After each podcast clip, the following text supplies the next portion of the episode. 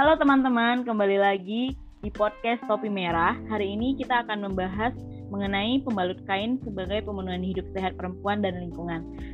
Hari ini gue nggak sendiri loh guys, uh, ada dua teman gue. Mereka adalah dua aktivis perempuan yang memang bergelut dalam pem, uh, bidang lingkungan, tidak hanya permasalahan yang uh, krusial di tentang hutan, tapi juga yang berhubungan dengan perempuan uh, yaitu ada Amelia Wardani yang yang sering kita panggil Amel dan ada Siti Nur Iana yang sering dipanggil Ria.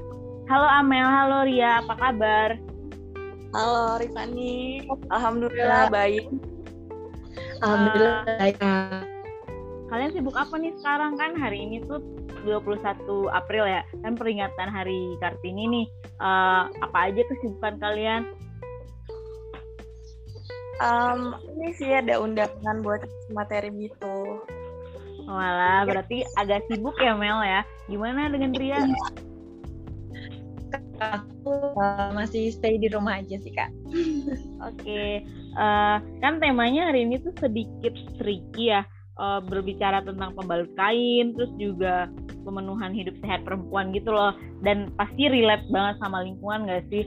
Uh, kita ngelihat kalau kita lagi mens gitu kita kan sering tuh pakai pembalut sekali pakai. Kemudian kita ngelihat ketika kita membersihkannya toh juga nggak bersih total gitu maksudnya uh, kita akan mm, membuat sampah baru gitu nggak sih di dalam masyarakat gitu loh. Dan kemudian untuk proses penguraian plastiknya sangat lama gitu nggak sih guys? Gimana sih?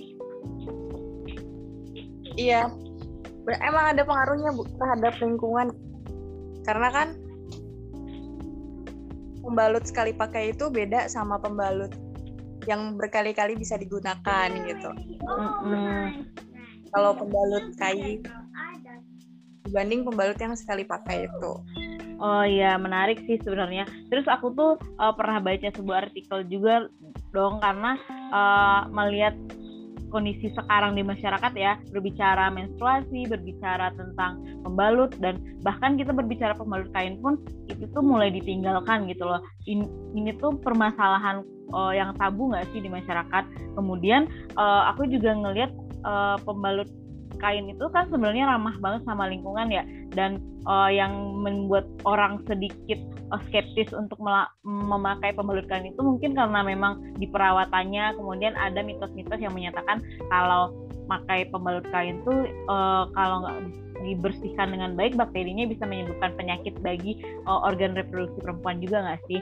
Gitu sih. Terus juga ada ada kayak sesuatu suatu statement bahwa ketika kita pakai pembalut kain uh, itu tuh sangat tricky karena memang kita harus membelinya dengan harga yang mahal. Itu satu. Yang kedua juga kayak kalau bikin sendiri pun harus kayak telaten gitu nggak sih? Itu si Mel uh, dan Ria kalian tuh sebenarnya udah udah paham nggak sih tentang uh, pembalut kain ini?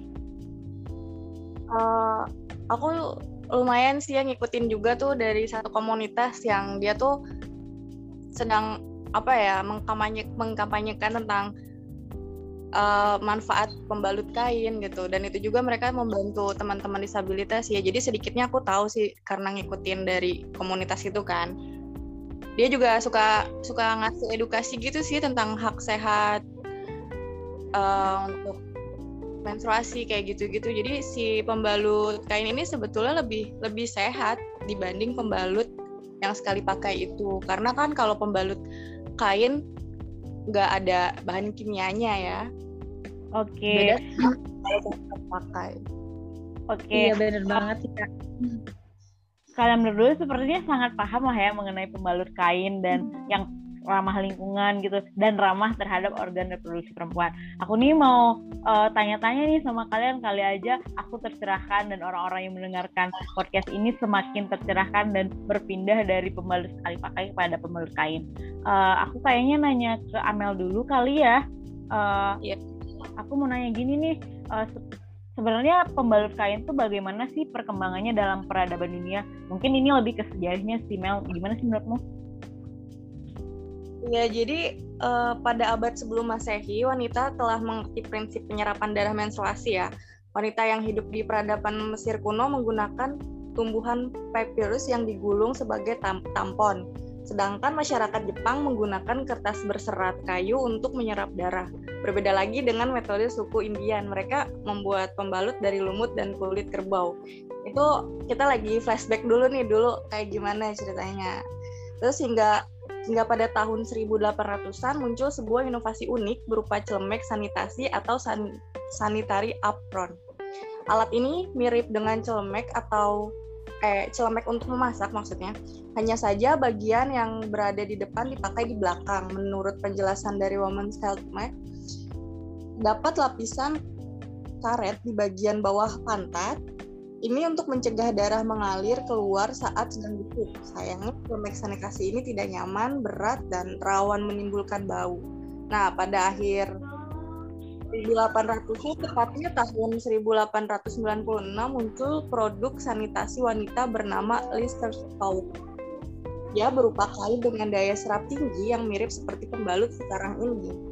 Pengetahuan tentang darah dan cara mengatasinya semakin meningkat ketika Dunia satu. Jadi para perawat menyadari bahwa terdapat bahan yang lebih mudah menyerap cairan dibanding kain biasa. Lalah selulosa, serat yang terbuat dari campuran katun dan akrilik. Kalau dari situlah Cortex memproduksi pembalut pertamanya. Tahu kan Cortex?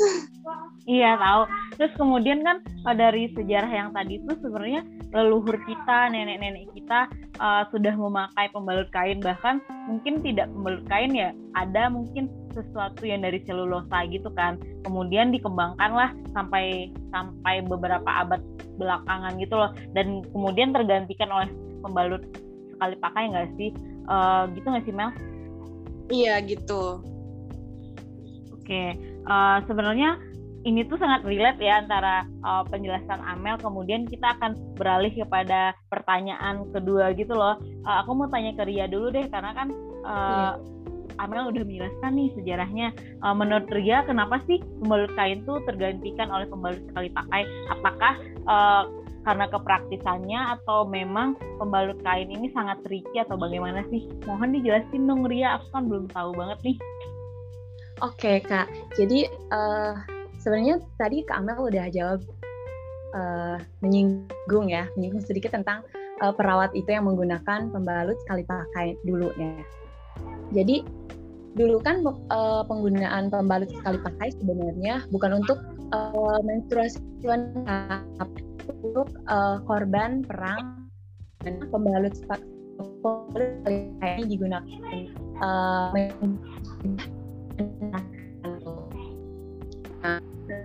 uh, perang sekali dan itu tidak membutuhkan waktu untuk pembalut sekali pakai hanya uh, dipakai itu akan oleh perawat untuk uh, menstruasi mereka. lama kelamaan kan. Namun saat itu saat itu menggunakan kain flanel uh, untuk menstruasi. Nah, tapi kain flanel harganya itu cukup mahal gitu sehingga lebih cocok nih kayaknya digantikan dengan pembalut sekali pakai yang uh, sisa dari uh, persiapan perang gitu. Nah, di sisi lain, selain menggunakan uh, kain flanel, perempuan pada saat itu juga menggunakan sanitary belt, yaitu sabuk yang ada uh, kainnya untuk menyerap darah menstruasi kita gitu.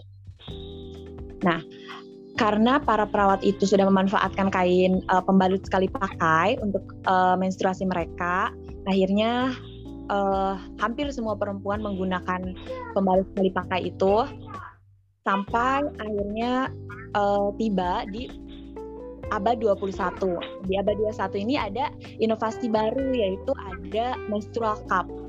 Di mana menstrual cup ini dinilai lebih apa ya, lebih praktis gitu penggunaannya. Karena kan bisa dicuci kemudian dipakai kembali dan lebih ramah lingkungan gitu. Dibandingkan dengan uh, pembalut uh, sekali pakai. Kayak gitu sih kak.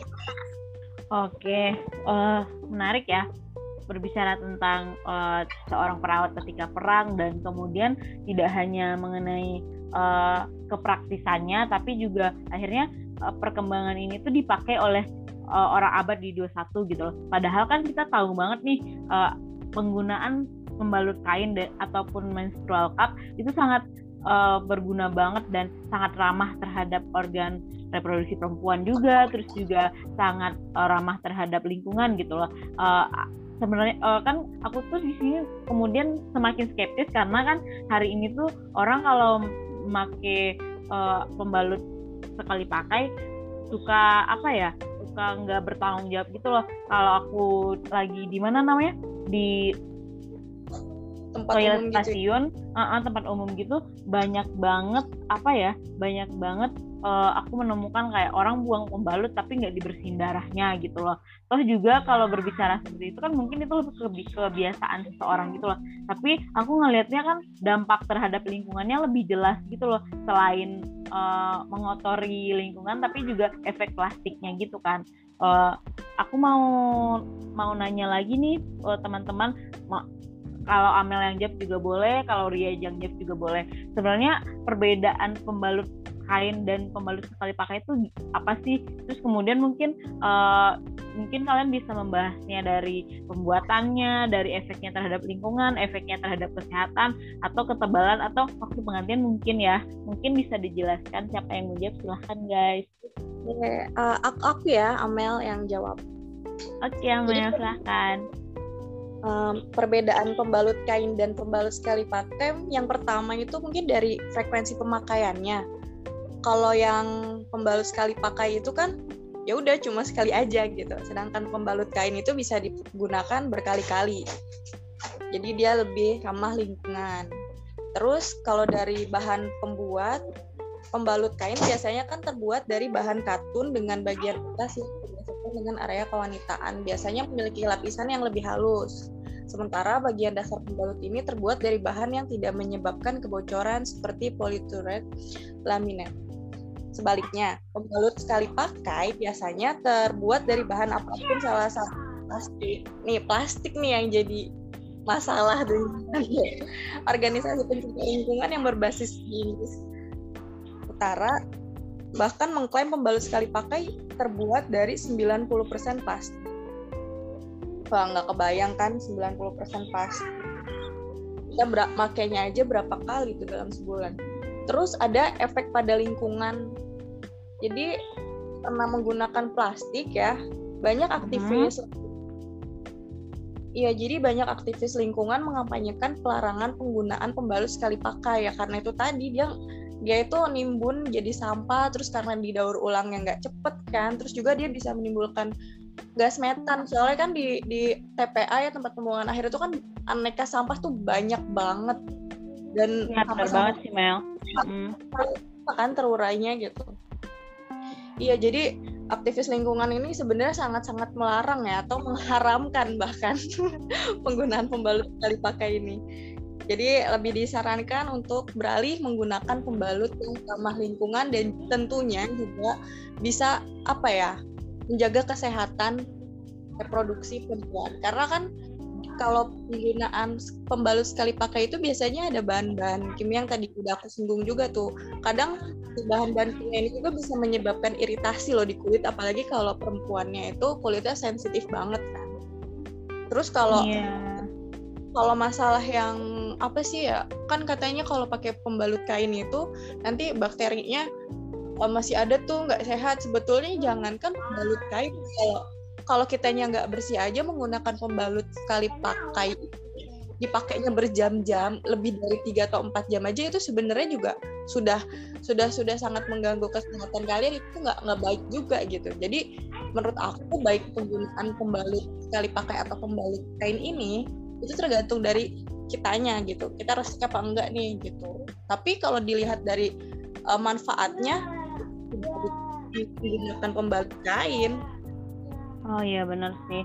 Uh, penjelasan dari Amel ini sangat membantu banget ya teman-teman. Karena kayak uh, ketika pakai pembalut kain pun kita harus uh, punya waktu yang apa ya waktu yang uh, signifikan gitu loh. Mungkin kita pakainya selama 4 jam atau tiga jam gitu. Begitu juga dengan pembalut sekali pakai. Karena kan uh, efek dari apa ya kelembapan dari organ perempuan juga berpengaruh toh dengan uh, dengan apa ya bersinggungannya dengan uh, pembalut sekali pakai tadi juga dengan bahannya yang plastik gitu. Itu sangat tricky dan sangat berbahaya sih menurutku ya. Mungkin uh, dari dari diskusi yang dibicarakan oleh Amel tadi aku aku menangkap bahwa pembalut kain lebih ramah lingkungan dan tidak merusak organ perempuan juga gitu loh. Dan pastinya tidak menyebabkan uh, penyakit-penyakit uh, ter terhadap organ reproduksi.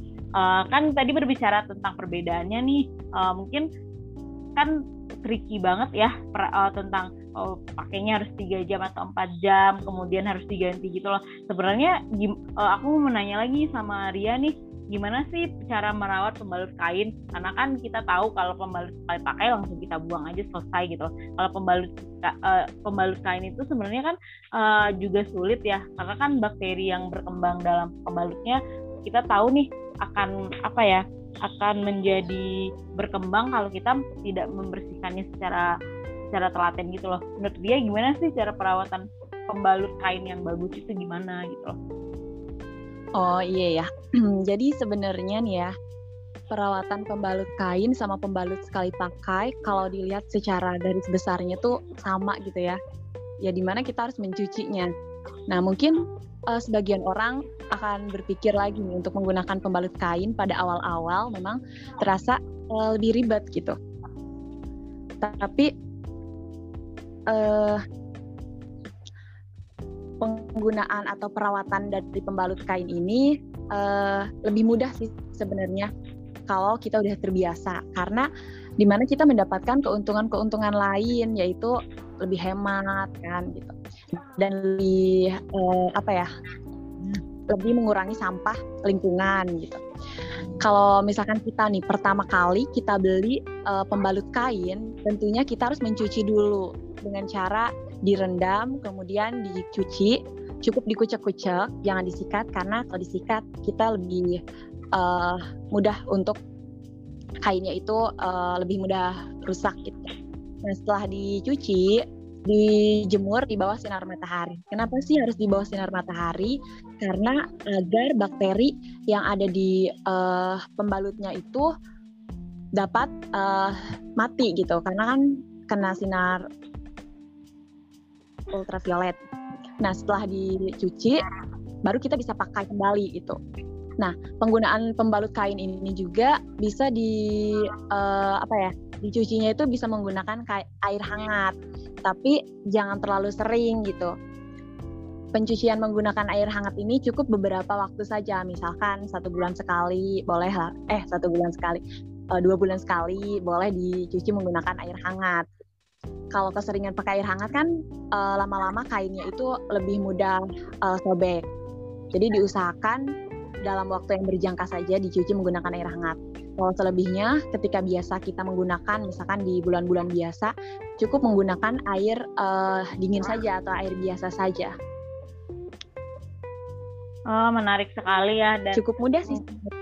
Oh, mudah kalau kita tuh mungkin bisa membiasakan gitu loh dan kan segala hal itu biasa terbiasa dan menjadi sebuah kebiasaan kan. Jadinya menurutku sih sebenarnya nggak iya. tricky-tricky banget sih perawatannya.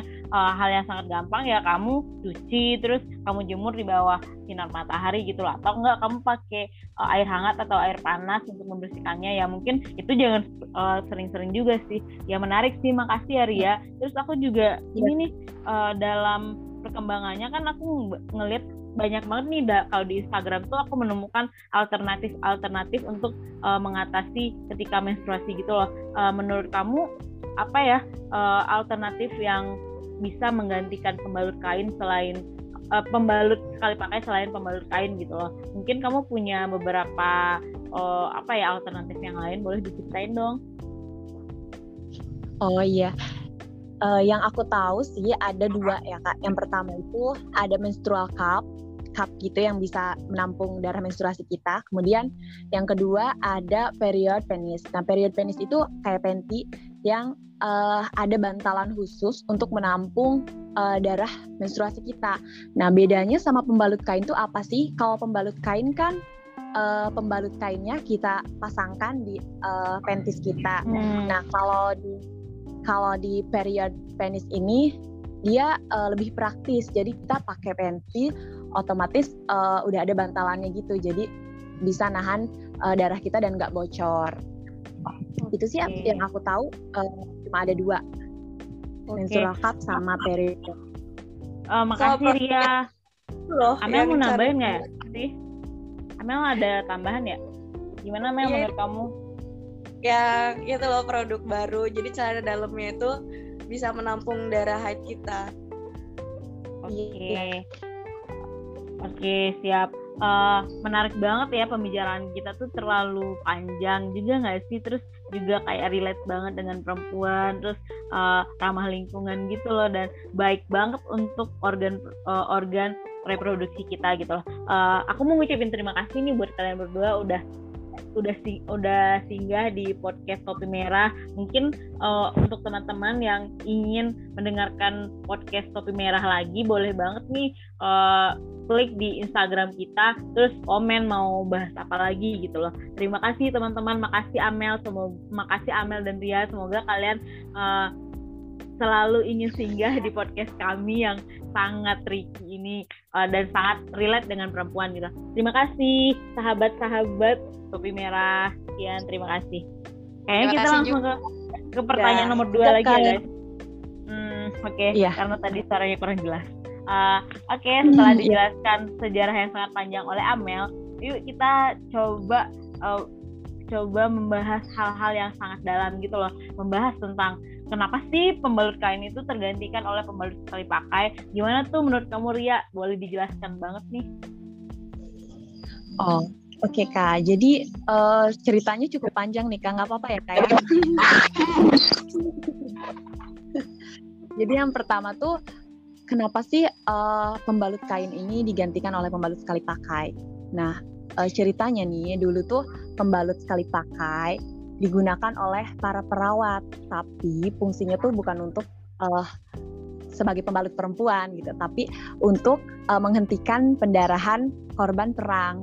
Lebih tepatnya untuk laki-laki lah ya pada saat itu. Namun setelah perangnya selesai, terus palang merah itu tidak membutuhkan lagi uh, pembalut kainnya akhirnya uh, pembalut kain yang sisa itu para perawat manfaatkan untuk uh, menstruasi mereka. Nah, di sisi lain, uh, kebanyakan perempuan saat itu menggunakan uh, pembalut dari kain flanel yang harganya cukup mahal.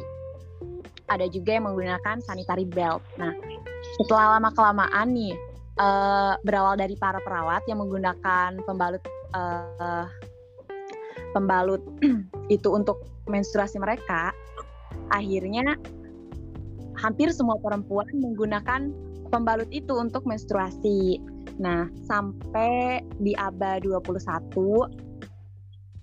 barulah muncul yang namanya menstrual cup atau uh, cangkir yang untuk menampung darah menstruasi kita. Nah, cangkir ini lebih dianggap lebih mudah ya dan ramah lingkungan karena uh, bisa dicuci ulang, kemudian dipakai berbeda dengan pembalut uh, sekali pakai gitu. Kalau pembalut sekali pakai ini ketika kita gunakan langsung dibuang gitu dan menimbulkan sampah seperti yang sudah Kak Amel bahas ya sebelumnya. Jadi sampah uh, baru sedangkan kita dalam satu periode pun membutuhkan banyak tuh pembalut uh, sekali pakai. Oh gitu ya, menarik banget sih dan perkembangannya itu kayak sebenarnya nggak apa ya digunakan untuk uh, mengobati luka laki-laki ketika perang kemudian karena tidak digunakan lagi dipakai oleh perempuan akhirnya bertransisi sampai sekarang gitu loh. Dan walaupun sekarang nih penggunaan uh, pembalut kain itu kan sangat sedikit ya kemudian digantikan oleh menstrual cup atau celana da, celana menstruasi gitu. Ya menurutku ini informatif banget sih. Makasih ya Ria. Iya kak. Oke kayaknya aku post